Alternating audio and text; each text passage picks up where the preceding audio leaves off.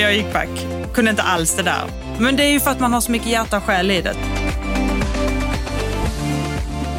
Välkomna till Kvinnor som äger. Den här podden är utgiven av Formue och är en podd om entreprenörskap. Vi kommer att träffa kvinnor som äger och driver bolag och få ta del av deras resa från idé till framgångsrikt bolag.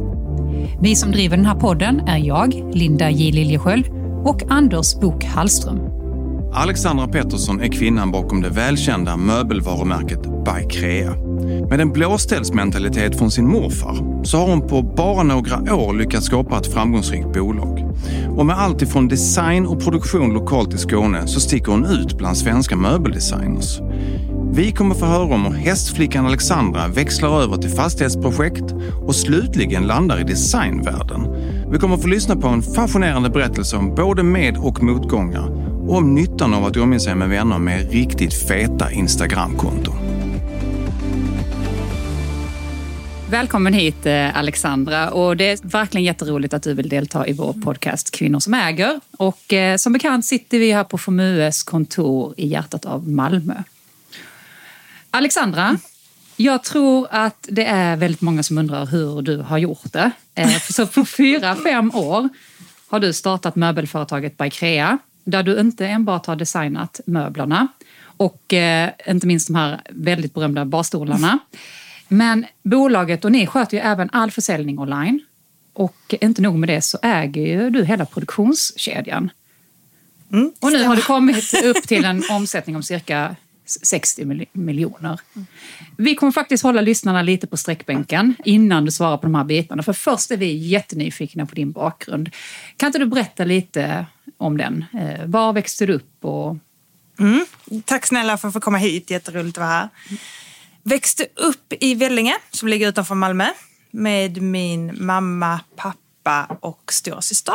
Och pappa jobbade då på min morfars företag som på den tiden hade ett stålföretag som skärde i eh, mest plåtbearbetning. Gjorde han. De... Kanske ett stort företag? Eller? Nej, det var väl ett småföretag. Men han blev ju liksom så här kommunens företagare. Så det var väldigt ja. hajpat där och då. Då var det inte heller en digital värld. Så att, väldigt lokalt, väldigt stort. Men de kanske var en 20 anställda totalt. Mm. Och min pappa jobbade där. Men när jag var sex år så skilde mamma och pappa sig. Jag kommer ihåg det för jag var den första i min klass då som faktiskt hade skilda föräldrar. Det är lite annorlunda idag, ja, ja. det är nästan omvänt. Men eh, där och då så ja, var nu det... blir man nästan ansedd som konstig om man inte har skilda föräldrar. Ja, faktiskt. Nu är det det coola. Det var liksom två julafton och ja, mm. många sådana fördelar. Men... Men hur var det då att eh, dina föräldrar skildes då som först i klassen, den känslan? Jag var nog för liten för att förstå det där ja. och då. Men det gjorde ju ganska stora förändringar i vår konstellation i familjen. Eftersom han då jobbade på min morfars företag så eh, det krockade ju lite. Han behövde gå vidare till ett annat bolag, eh, flyttade ifrån där. Mamma var hemmafru så jag gick inte på dagis till mm. exempel. Utan då började jag ju skolan direkt där då när jag var sex, eller på första ettan går man ju då. Mm. Mm. Så jo, det präglade nog mig ganska mycket. Att jag snabbt lärde mig att det finns ingen trygghet bakåt på det sättet utan eh, det får du nästan skapa lite själv. Okay. Ja. Mm. Din mamma var hemmafru sa du. Vad gjorde hon sen då? Fortsatte hon att vara hemma eller? Min morfar hjälpte henne lite. Hon fick mm. ju traggla sig in. Hon tog något eh, receptionistjobb, hon tog något städjobb och det blev ju en helomvändning för henne. Mm. För hon trodde ju inte att hon skulle behöva gå in och jobba på det sättet. Det var väldigt vanligt då att en av föräldrarna var hemma. Men mm. eh, när hon hoppade in i, i det i smeten. Så att hon jobbade mycket. Men inte på sin pappas företag? Utan på... hon, hon började städa där faktiskt. Okay. Mm. Och sen så gjorde hon också ett eh, ekonomijobb där. Men sen så pluggade hon vidare lite på det och sen tog hon lite andra ströjobb mm. runt omkring. Mm. Men vi hade ju en lägenhet i Vellinge då som, och sen hade vi ett fritidshus som var i Bedinge som ligger lite utanför. Mm. Och hon flyttade ganska snabbt dit där och var där varje helg. Så jag tror från jag var 15 och min syster var då 19, hon var fyra äldre än mig, så bodde vi själva torsdag till söndag i så jag, jag växte upp fort. Liksom. Vad berodde det på? Att hon ja. tillbringade helgerna där? Eh. Hon ville, det var ju ursprunget. Min mamma var ni väldigt var jobbiga? Där. Eller? kan vara det också. Vi, vi var sportmänniskor. Jag ja. höll på med hästar och min syster höll på med simning. Så vi hade så mycket för oss med skolan och allting hemma. Okay. Och därför ville vi stanna. Så mm. jag var med min mamma ibland också. Men jag hade ju liksom ett annat intresse och då då blev det att vi skapade den. Men då skötte ni allt hemma? Ni lagade mat och tog hand om ja. alltihopa Jag om man kan säga att vi lagade mat. Vi ja, bredde mackor. Ni bredde mackor? ja, nej, men det gjorde vi. Men och jag tror att eftersom det var, jag höll på med hästar ju. Mm. Och då, var det, då åkte man ju upp till stallet. Jag var ju Hade du egen häst och sådär också? Eller? Inte, jag fick ju lära mig det. Som, när jag började då, från 12 till 15 så hade jag inte det. Då åkte jag upp till stallet och så fick jag lära mig att om man mockar och sköter om och tar hand och hjälper ja. till så får man ridlektioner och utbyte.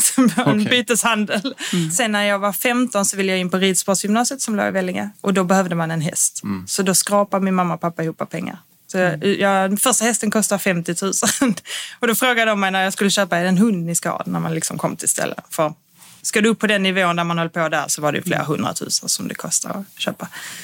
Men det gjorde jag, så jag skaffade en häst då. Men du har berättat eh, lite kring Vellinge, det är många förmögna som bor i, mm. i kommunen, men du upplevde inte att ni egentligen var så förmögna när du växte upp. Nej. Hur, hur var det? Berätta lite om det. Det blev lite som ett svart får kan man säga.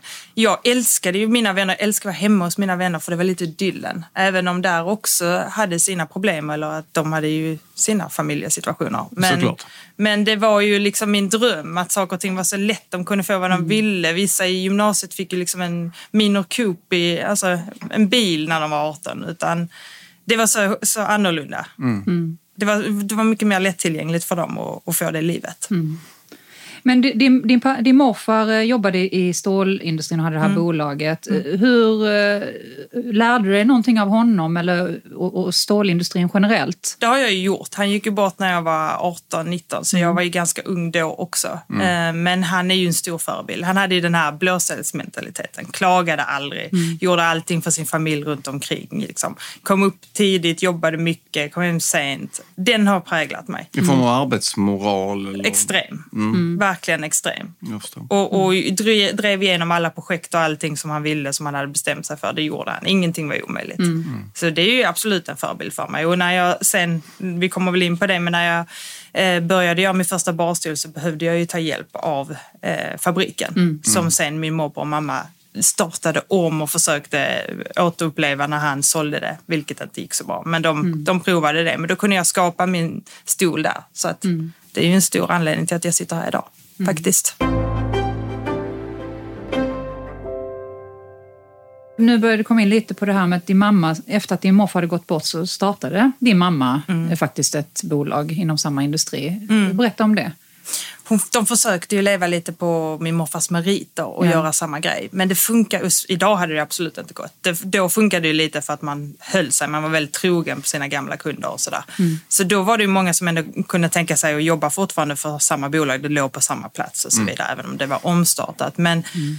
har man inte det här entreprenörsdrivet och tänket i sig så tror jag inte att man lyckas att upprätthålla det, utan det är inte bara så det gick inte så bra. Det gick i konkurs två, tre gånger och sådär. Mm. Men, men de försökte. Ja, och din pappa gick ju sin, sin e-, egen väg då. Mm. Och, eh, för jag vet att du inspireras väldigt mycket av honom. Mm. Jag är pappas flicka ju. Ja. har alltid varit. Men tyvärr så blev det ju... Han gick till ett annat bolag som då fanns i Lund och i Polen så där han pendlade. Eh, startade en ny familj i Polen också. Eh, gick också bort tidigt. Så han gick bort för nio år sedan, då var jag 24, mm. i en hjärtinfarkt. Och han blev väl lite liksom lärdomen att man inte ska gå i samma fotspår. För han, mm. han arbetade för hårt och hade inte de sunda värderingarna runt omkring. Och då brister man. För han kunde gå upp klockan fyra på morgonen och började sin dag då? Det var hans prime time. Var Vad var det han timmar? gjorde då? Han var ju vd för det ja. företaget så att han, vad gör en vd? Mm. Men, eh, han, men, han gick upp och liksom han gick upp och, av alla mejl och allt sånt. Precis, så han, eh, löste bort sina problem ja. som han hade innan, innan han skulle styra om alla andra där på ja. produktionen eller strukturen eller vad det nu kunde vara han hade att göra. Mm. Eh, men han var satt där många timmar, mm. gjorde han.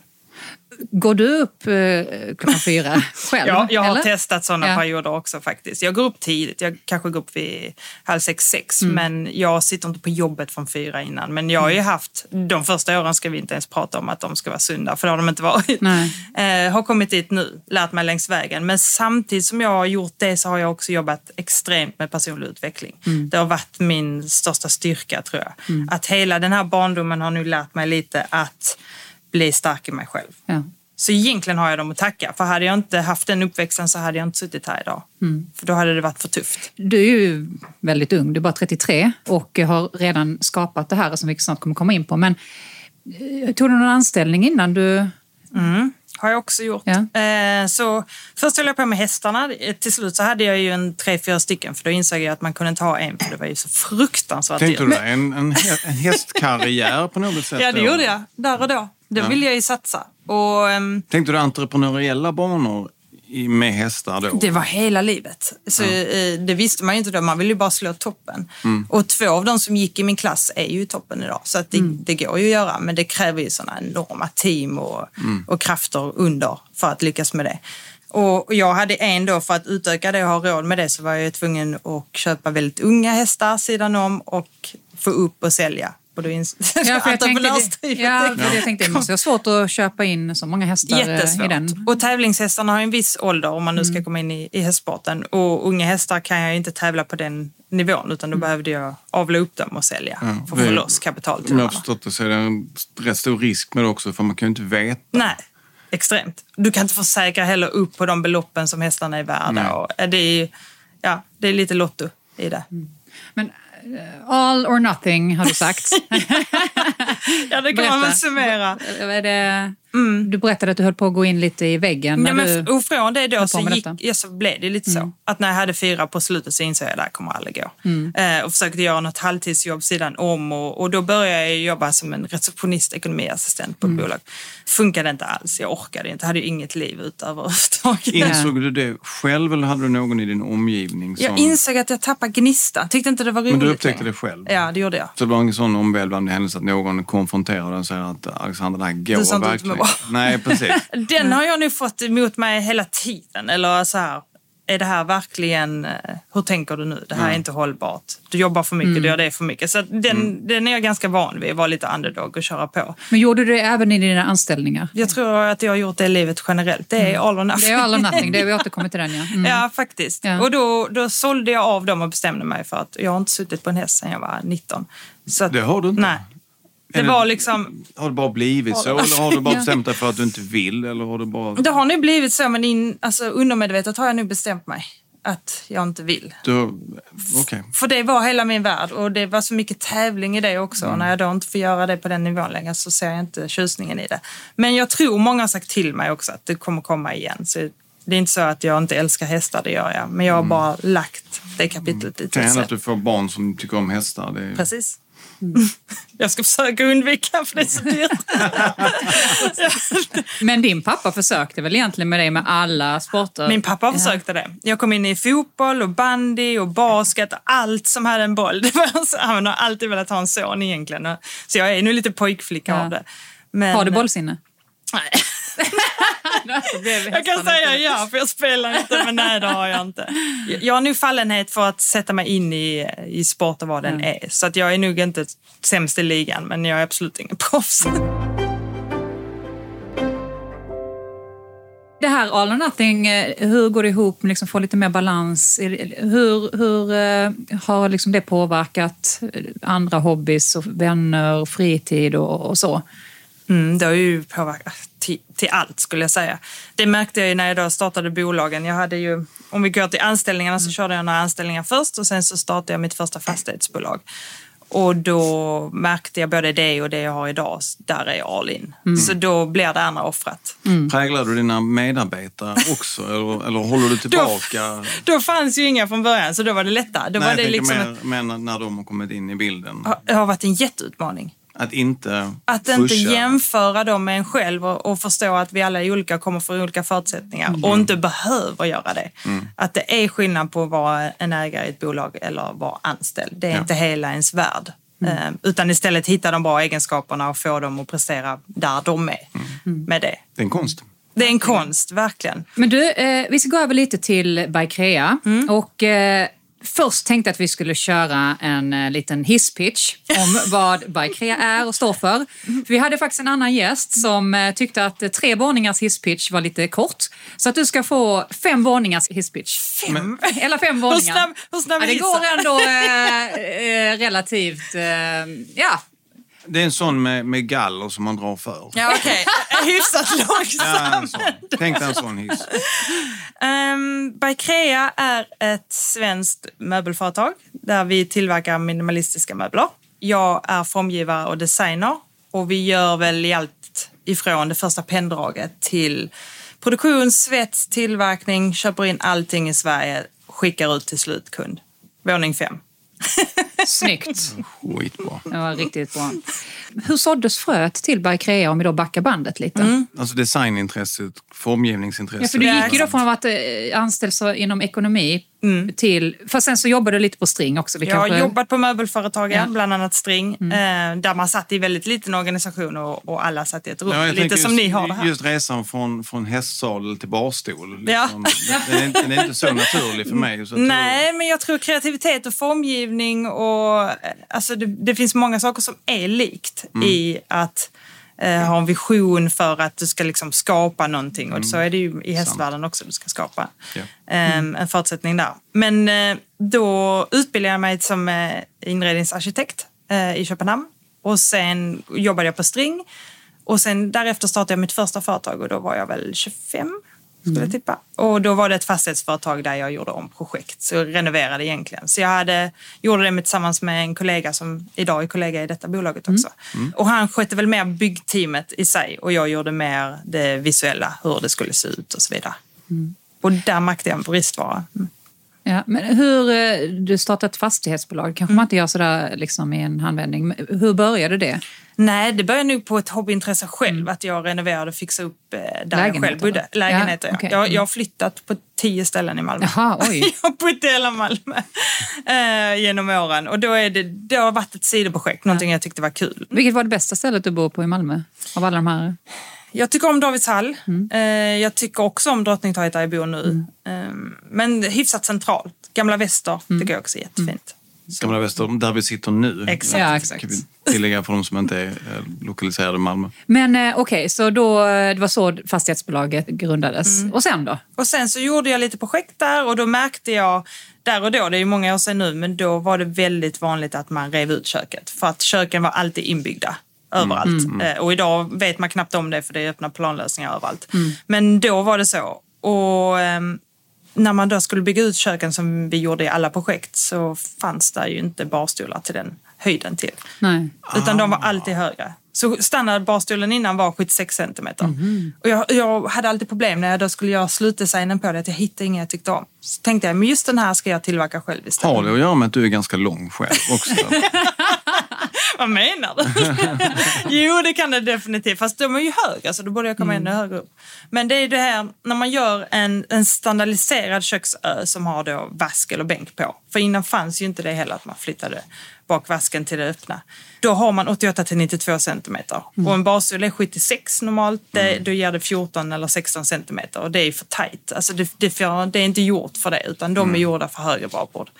Och därför blev det att jag skapade en lägre stol. Jag förstår. Sen har höjderna höjts generellt. Jag vet, den första köket som jag och min, min, eh, min hustru renoverade, det var ett, ett relativt gammalt kök men det var ju eh, standardhöjden 80 centimeter. Vilket jag tyckte var alldeles för lågt. Eh, Min fru är 1,53 så det var alldeles lagom. Fast ändå jättebra. Men det blev ändå att vi höjde upp den faktiskt. Och jag menar, du, du, du designade då de här barstolarna. Jag menar, men det är ändå ett stort steg att designa och sen eh, ta fram den. Gjorde du det då till, eh, till de här fastighetsbolagen eh, först? Eller? Precis, då pro- projekterade jag det. Så då gjorde jag det till alla de projekten jag hade. Ja. Eh, och la fram det till dem. Och sen så tog jag hem dem också och hade dem... Hemma i ditt egna hem? Ja.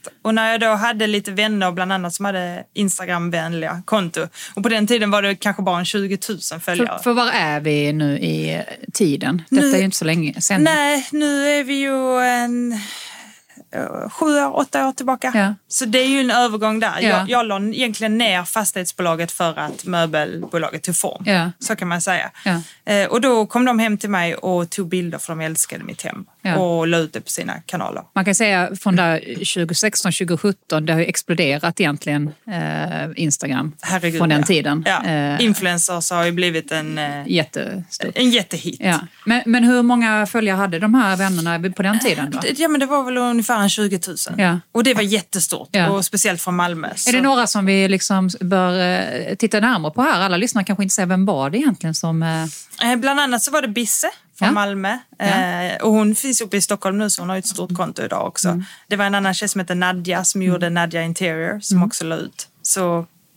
har som sagt stora konton och livnär sig på det idag så Ja. de är ju influencer. Så efter de hade lagt ut Mm. eh, lite... eh, Och vad, då... Så börjar folk fråga, var Ja. kommer barstolarna ifrån? Ja. Så sa jag Det är det. ju riktigt häftigt faktiskt. Ja, det det hade är ju inte ett bolag idag väl? Ja, det har blivit ett bolag skulle de veta. Och då sa jag, men säg att det är mina egna så lägger jag, eh, gör jag en hemsida av det. Mm. Så det gjorde de. Och så sa de, ja men det kommer komma upp någonting snart. Och jag satt en helg och då tog jag in min kollega igen då som var på det andra bolaget och sa, du måste hjälpa mig att få upp en hemsida. Mm. Vilket han gjorde, startade ändå en Wix-hemsida som det hette, där det finns liksom en färdig mall. Väldigt basic. Ja. Tog bilder från mitt kök och la upp fem olika kombinationer. Ja. Där jag då kunde göra dynorna och tillverka dem. Mm. Och sen la vi ut det på helgen och sen två veckor efter så kom, började försäljningen komma in. Hur många order liksom kom in? Nej, det var ju inte många. Men det, det, men det faktum att det kom in, det är Ja, ju helt otroligt. Ja, och då Eh, behövde jag liksom inte heller ha rullians på det, Nej. utan det var en kul grej sidan om. Men sen började det ticka mer och mer och mer och jag kunde lägga mer kraft på det. Så då började jag köra med lite andra influencers och så vidare. Så. Mm. För de här barstolarna är ju jättestora nu. Mm. Jag ska ju själv ha dem till, vi håller på att bygga hus. Jag ska ju såklart Jag ha dem. och väntade på Nu hur var jag länge... tvungen att säga det. Hur länge kommer det dröja I will innan hook you up. Linda kommer in på sitt husbygge? Man måste alltid göra en personlig koppling. Eh, och nu fick jag till den här. den här gången. Det finns 8000 kombinationer av Freja-stolen så du kan få hitta precis det. Ja, men vad bra. Jag får komma ut i produktionen kanske. Ja, 100%. Ja, vad bra. Det är helt fantastiskt att starta upp den här hemsidan och det börjar komma in ordrar eh, och ni har bara försäljning online via... Än idag. Så är Så det inga så. återförsäljare? Då, och då la jag mig fel. Alltså prismässigt så, ja herregud vad jag la mig fel prismässigt. I början så gav... lågt alltså. Extremt lågt. Jag tror den första stolen kostade 900 spänn och den kostade nog 1 och 3 att tillverka för mig. Jaha, oj. Ja. Ja. jag gick back. Kunde inte alls det där. Men det är ju för att man har så mycket hjärta och själ i det så man vill ju bara vara Den, häftig. den matematiken är ändå rätt uppenbar kan man tycka. Liksom. Men det är ju på efterhand man kanske gör den uträkningen till punkt och pricka. Utan man, man köper in lite där och så. Men sen så, och jag, jag har nu gjort tre, fyra prishöjningar på stolen genom Ja. åren. Så, Och inte tappat uh, försäljning så mycket. Idag har jag en väldigt bra bruttomarginal. Blivit entreprenör på det också. Men eh, ja, nej, den låg fel till då. Men då började den ju ticka och det började komma in försäljning på det. Så då ville jag ju fortsätta och köra på med det. Ja. Så jag la ju mer och mer krut där. Jag tycker det är något som är oerhört intressant och som jag är själv är oerhört imponerad över är att du har hela tillverkningskedjan själv idag. Men det började inte så, men den resan från att bli eh, ha hela kedjan, kan inte du berätta om den? För det, Jo. och den är ju dessutom i Sverige, du kopplar ju inte in Asien och andra eh, så här. Nej.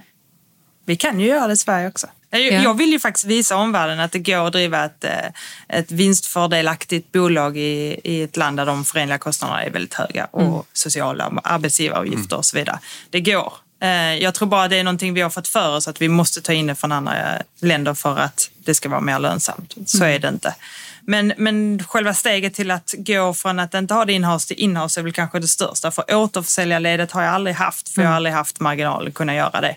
Jag vet, jag kontaktade eh, Royal Design ett år efter och sa att jag ville att de skulle sälja stolen till mig. Och vi kom i ganska stor utsträckning fram till att vi skulle göra det. Tills de kom med sista kravet att då vill vi att eh, du är exklusiv med oss. Du får bara sälja genom våra kanaler. Och då sa jag nej.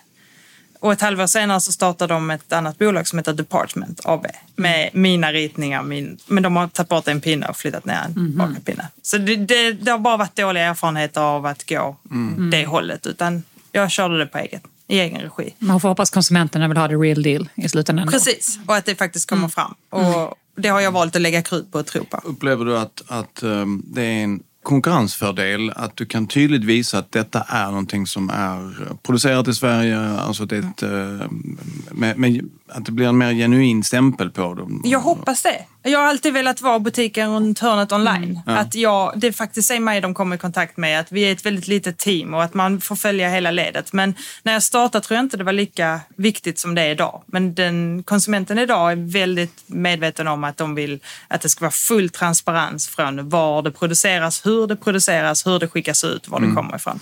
Det blir lättare för dig att hålla koll på de bitarna Precis. nu med, med hållbarhetsdiskussionen som ju eh, verkligen är allomfattande. Mm. För då vet du ju precis och kan gå god för hur produktionen är. Exakt. Och en av mina största satsningar nu framöver också att jag vill att det ska vara totalt miljöhållbart framöver och att jag har ett bolag som inte tar mer resurser än det ger tillbaka utan att det verkligen görs på rätt sätt. Så ta bort mycket delar. Jag gör till exempel eh, vissa av eh, möblerna är limmade idag och det går över till att det ska vara isättningsmöbler som gör att man kan behålla stålramen och bara byta dynor eller vi har 0,5 returprocentgrad, vi har väldigt låg returer, vilket också är en fördelaktig miljösynpunkt att Ja. det skickas fram och För du, det, du jobbar inte med merförsäljning har du också sagt. Det går lite hand i hand i det du säger nu. Ja, precis. Det gör jag inte eftersom möblerna håller en livslängd. Så Ja. att när man väl köper så man kanske köper en eller två gånger hos mig men man kommer inte återkomma och köpa. Och sen kan man byta dynorna om de har blivit Precis. lite slitna. Precis. Mm. Ja, det är ju verkligen eh, i linje med eh, det hållbarhetstänk som vi alla måste ta till oss. Mm. Eh, Men eh, allt material och allt, eh, all råmaterial kom också från Sverige. Ja. Det är också viktigt att Ja, precis. Och, nämna. och, och att, för att komma tillbaka till ditt svar där är ju att jag kunde ju inte ta egen produktion från början för kapitalet fanns inte där. Så då hade jag ju underleverantörer men fortfarande svenska leverantörer. Mm. Så det är därför det steget har alltid varit där. Men sen allt eftersom de inte faktiskt klarade av att möta mina volymer. Ofta var det så när jag kom in så var det, jag tror jag berättade det för dig, men då kunde man komma in och så sa man att man ville starta en möbel och att Mm. man skulle göra en produktionslinje av det. Så tänkte de liksom, ja men vad är det? Vad är? Ska du ha det i garaget? Vad ska du se? Trodde absolut inte kom in en jätteung tjej där. Hej, jag skulle vilja ha lite... Jag vill ha lite möbler. Nej, går vi har inte tid med det. ja, så var det ju. Ja. Eh, och sen så märkte man allt eftersom att de inte klarade av volymen. Och då var det, eh, då blev det att jag fick göra det själv. Så jag behövde ha en sidolinje själv och sen kunde jag ha Mm. en underleverantör som gjorde det. För att bemöta mina kunder. Men, men din morfars eh, stålbolag, eh, har det liksom hjälpt någonting i Nej. det här? Kontakter och annat? Eller det... Nej, det har det ju inte gjort. Det såldes så pass tidigt Ja. så då var jag inte alls igång. Så jag, de har jag hittat själv. Du var inne lite på finansiering. Mm. Hur, hur liksom kom du igång med allt detta? Hur, hur gjorde du med finansieringen? Det är ju egentligen 100% organiskt. Ja. Så jag gick in med, från allra första början gick jag in med 500 000 från Mm. mitt fastighetsbolag. Eh, och sen har jag bara försökt få dem att bli så mycket som möjligt för att kunna fortsätta. Så Och du man har får- inte behövt pytta in mer än det? Utan du har... Nej, men nu är jag där. Ja, okej. Men, men fram tills nu så har du inte behövt eh, egentligen? Du har nej, lyckats? nej, jag har kunnat ta någon leasing på någon robotmaskin Ja. och jag har liksom behövt ta någon checkkredit som behövt täcka upp Ja. gapet. Och du är ensam ägare till bolaget 100 procent. Idag är jag 100% ensam Mm. ägare. Ja. Men, men är som sagt i krokarna på att kanske ta in en, eh, en riskkapitalist eller någon Mm. som hjälper till finansiellt för att täcka. Så fort satsningarna blir större så kräver man oftast det För- mellanrummet. Vad är satsningar framöver? Vilken, hur ser din marknad ut? Vi växer ju så det knakar globalt. Ja. Ehm, Jag växer ju 1000 procent i USA, 100 procent i UK. Så eh, det är ju att fortsätta och göra det ehm, hållbart och ha produktionen kvar i Sverige men öka upp och klara av det. Mm. Ja, Jag tänker att det borde ju vara definitivt intressant för en mängd olika riskkapitalister att titta på eh, konceptet. Får du många propåer blir ju då min naturliga fråga. Får många knackningar och många frågor om det. Men eh, har, inte, har valt att stänga de dörrarna än så länge. Jag har en intressant som kanske skulle kunna, som jag alltid har sagt från scratch, att det är en person som jag skulle vilja ha in. Så där är en dialog, men annars har jag sagt nej till den. Än så länge. Och är du beredd att släppa eh, hur stor del av ägandet? Du, du vill ju ha kontrollen misstänker jag. Control freak ute i fingret. Ja, vi, vi har lite grann fått intrycket. Ja, är det så? Ja, ja. Inget pokerface. Nej, det har lyst igenom lite. Ja, ja, men jag kan nog släppa en del. Det är inte det viktiga. Alltså, jag, är inte, jag drivs inte av pengarna. Det är bara ett resultat av det. Utan jag drivs av att utveckla mig, lära mig mer, få produktionen, sätta bollar i rullning. Eh, se det komma dit jag tänker mig att det ska. Mm. Och därför har procentsatsen spelar inte stor roll. Men, Okej. men om det är någon som sätter käppar i hjulet för att mina drag inte ska kunna göras, Nej. det blir mer Ja, avgörande. Då är egentligen personen viktigare än pengarna i det här 100%. sammanhanget. Ja, visst är det så. Men är det, är- det när det gäller liksom hur du har vuxit ganska snabbt och, och fått upp den här lönsamheten snabbt, har det varit eh, med draghjälp av influencer marketing enbart eller har du gjort andra satsningar? Försökt göra massa olika Ja. satsningar. Nu, det senaste halvåret är väl ett exempel på en satsning som gick käpprätt. Men då Ja. gjorde jag extremt mycket Google Ads. Ja. Och, eh, alltså betald den- marknadsföring. Var det den typen som du säger gick käpprätt åt Ja, men det har varit en ganska tuff tid. Och så E-handeln generellt nu är ju, är ju väldigt tufft för många. Eh, därför att paid ads har gått upp väldigt högt och nu måste folk ta steget över till kanske gå till influencers som jag har gjort Mm. från början. För det har varit mycket billigare steg för mig att hålla mig till från början. Och då, eh, då tryckte jag på liksom. Och det skulle jag inte gjort. Med facit i hand så skulle jag bromsat tidigare. Men så kan man jämföra med stora organisationer där det tar flera år innan de gör, eh, gör en bromskloss och det tar två, tre månader för mig. Så det är kanske ganska kort tid i jämförelse. Men när det läcker kan det läcka rätt så snabbt. Så det är ju miljoner som jag har gått back på, på sådana drag. Men jag har försökt satsa lite överallt. Det är ju lite min strategi. Att testa foten i olika pölar och sen se vad som funkar och så Ja. köra hårdare på det. Ja. Entreprenörsliv målas gärna upp som något glamoröst och speciellt när man kommit över till andra sidan och man är framgångsrik eh, entreprenör. Men, men eh, vilka utmaningar har du själv stött på genom de här åren? Har du någon som du kan Jag berätta tycker lite inte mer om? entreprenörslivet är glamoröst. Nej, men det målas verkligen det gärna gör upp det. så eh, i media och så här när man har nått framgång. Ja. Eh, man, ser, man pratar oftast inte om resan fram till det där. Som bara är fullt av misslyckande. Och det är viktigt att prata om det. ja, Men, visst är det eh, det. Kan du inte berätta om något, om du har någon händelse som... Jo, men det, alltså, det är ju tusen. Det kan ju vara allt ifrån att jag får logistik eller produktionsproblem eller att jag har gjort fel satsningar. Det här vi pratar om kultur och ta in anställda och, och ta hand och bevara dem på rätt sätt och, och vad det skapar ett missnöje när någon går som jag inte tänkt på som kanske liksom drabbar resten av gruppen. Jag, jag trillar på uppförsbackar varje dag. Och det, det är kanske den lärdomen man ska ge folk mest, att det är inte enkelt och det är inte en solskenshistoria. Absolut inte. Tvärtom, det är ständiga problem. Det är det man måste lära sig hantera. Och hur eh, hanterar du det då? För jag tänker, måste man vara någon speciell typ av, eh, ha en speciell typ av personlighet eller vad är det som gör att, eh, att vissa lyckas enligt Mm, dig? jag tror att alla kan kanske bli det, men jag tror man måste vara eh, extremt medveten om att man måste offra en hel del. I alla fall så har det varit i, i mina fall. Att det är, de första åren är de absolut tuffaste och då, då offrar man egentligen allt. Och vad är det du upplever som är jobbigast att du har behövt offra i det här? Kanske säga, inte att det har varit jobbigt, men liksom familj, vänner, allt runt omkring, hobby, sånt, det är ju bara att utsluta. Ja. du jobbar ju konstant liksom. Och du sitter ju där, och, och speciellt i en e-handel som man kanske tror ska vara en passiv bransch och bara, åh gud vad skönt, det här trillar in hela tiden. Det är tvärtom. Det är ständigt på. Det är ju uppe knappen hela tiden.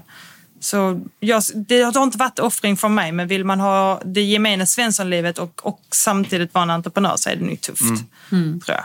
Men eh, nu när du är några år in i det här, Mm. ser du att du vill göra några förändringar i i hur du gör saker och ting? Mm. För du har ju berättat att du berätt, äh, jobbar oerhört mycket med personlig utveckling. Vad har du kommit fram till? Eh, Berätta, berätta för Så oss. långt har jag kommit. Men det gör jag. Och jag tror att jag, eh, jag lär mig hela tiden att det behöver inte vara på ett visst sätt. Att så som jag tror att man måste göra är ju att det ska vara blod, svett och tårar. Och det behöver det inte vara. Nej. Men sen har inte jag för sig till hand om det kanske kommer efter några år att man kan step it down eller om det beror på att man har träffat någon som gör att man, när man faktiskt ser lite andra intressen också. Men man behöver inte, och man är inte effektiv av att jobba 24-7. Utan nu handlar det istället om att bevara sin tid och göra det bästa av det. Och många gånger i mitt jobbliv är det hur man reagerar på saker och ting, inte vad som händer. För de händer ju alla Och jag tror inte det finns ett enda problem som en entreprenör har haft som inte någon annan har haft innan. Det är sant. Utan det, det är ju liksom det är ständiga problem som alla bemöter. Men hur bemöter de? Är du med i nätverk och så, som, där du pratar med andra likasinnade entreprenörer? Ni har varit en hel del. Ja. Eh, har varit med för Women for Leaders som ligger uppe i Stockholm där det också är bara kvinnor. Eh, har haft en mentor i Katarina Messand som sitter här i Malmö. Eh, så jag har många runt omkring som jag också kan ta råd av, tips av. Vilket man också ska göra. Som ni säger, prata. prata med, med människor omkring. Mm. Nu kommer vi till den här uh, frågan som ingen slipper undan i den här podden.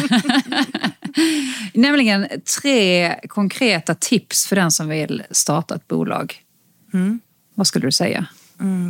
Bygg en eh, snabbfotad organisation som kan ta snabba beslut. En flexibel också. En flexibel. Ja. Och häng med liksom. För att det går fort, det accelereras fort här. Eh, I min värld så är kundservice A och O. Jag värderar det högre än något annat. Eh, och det tycker jag att man ska göra i vilken bransch man än är i. För jag tror att det är så du faktiskt överlever. Var ödmjuk, du är inte bättre än ditt föregående resultat. Och sen våga, kör bara, testa. Väldigt bra tips. Och eh, det får bli slutorden. Eh, Tack så jättemycket Alexandra för att du ville komma Tack hit ska idag. ni ha, jättekul att vara här. Tack.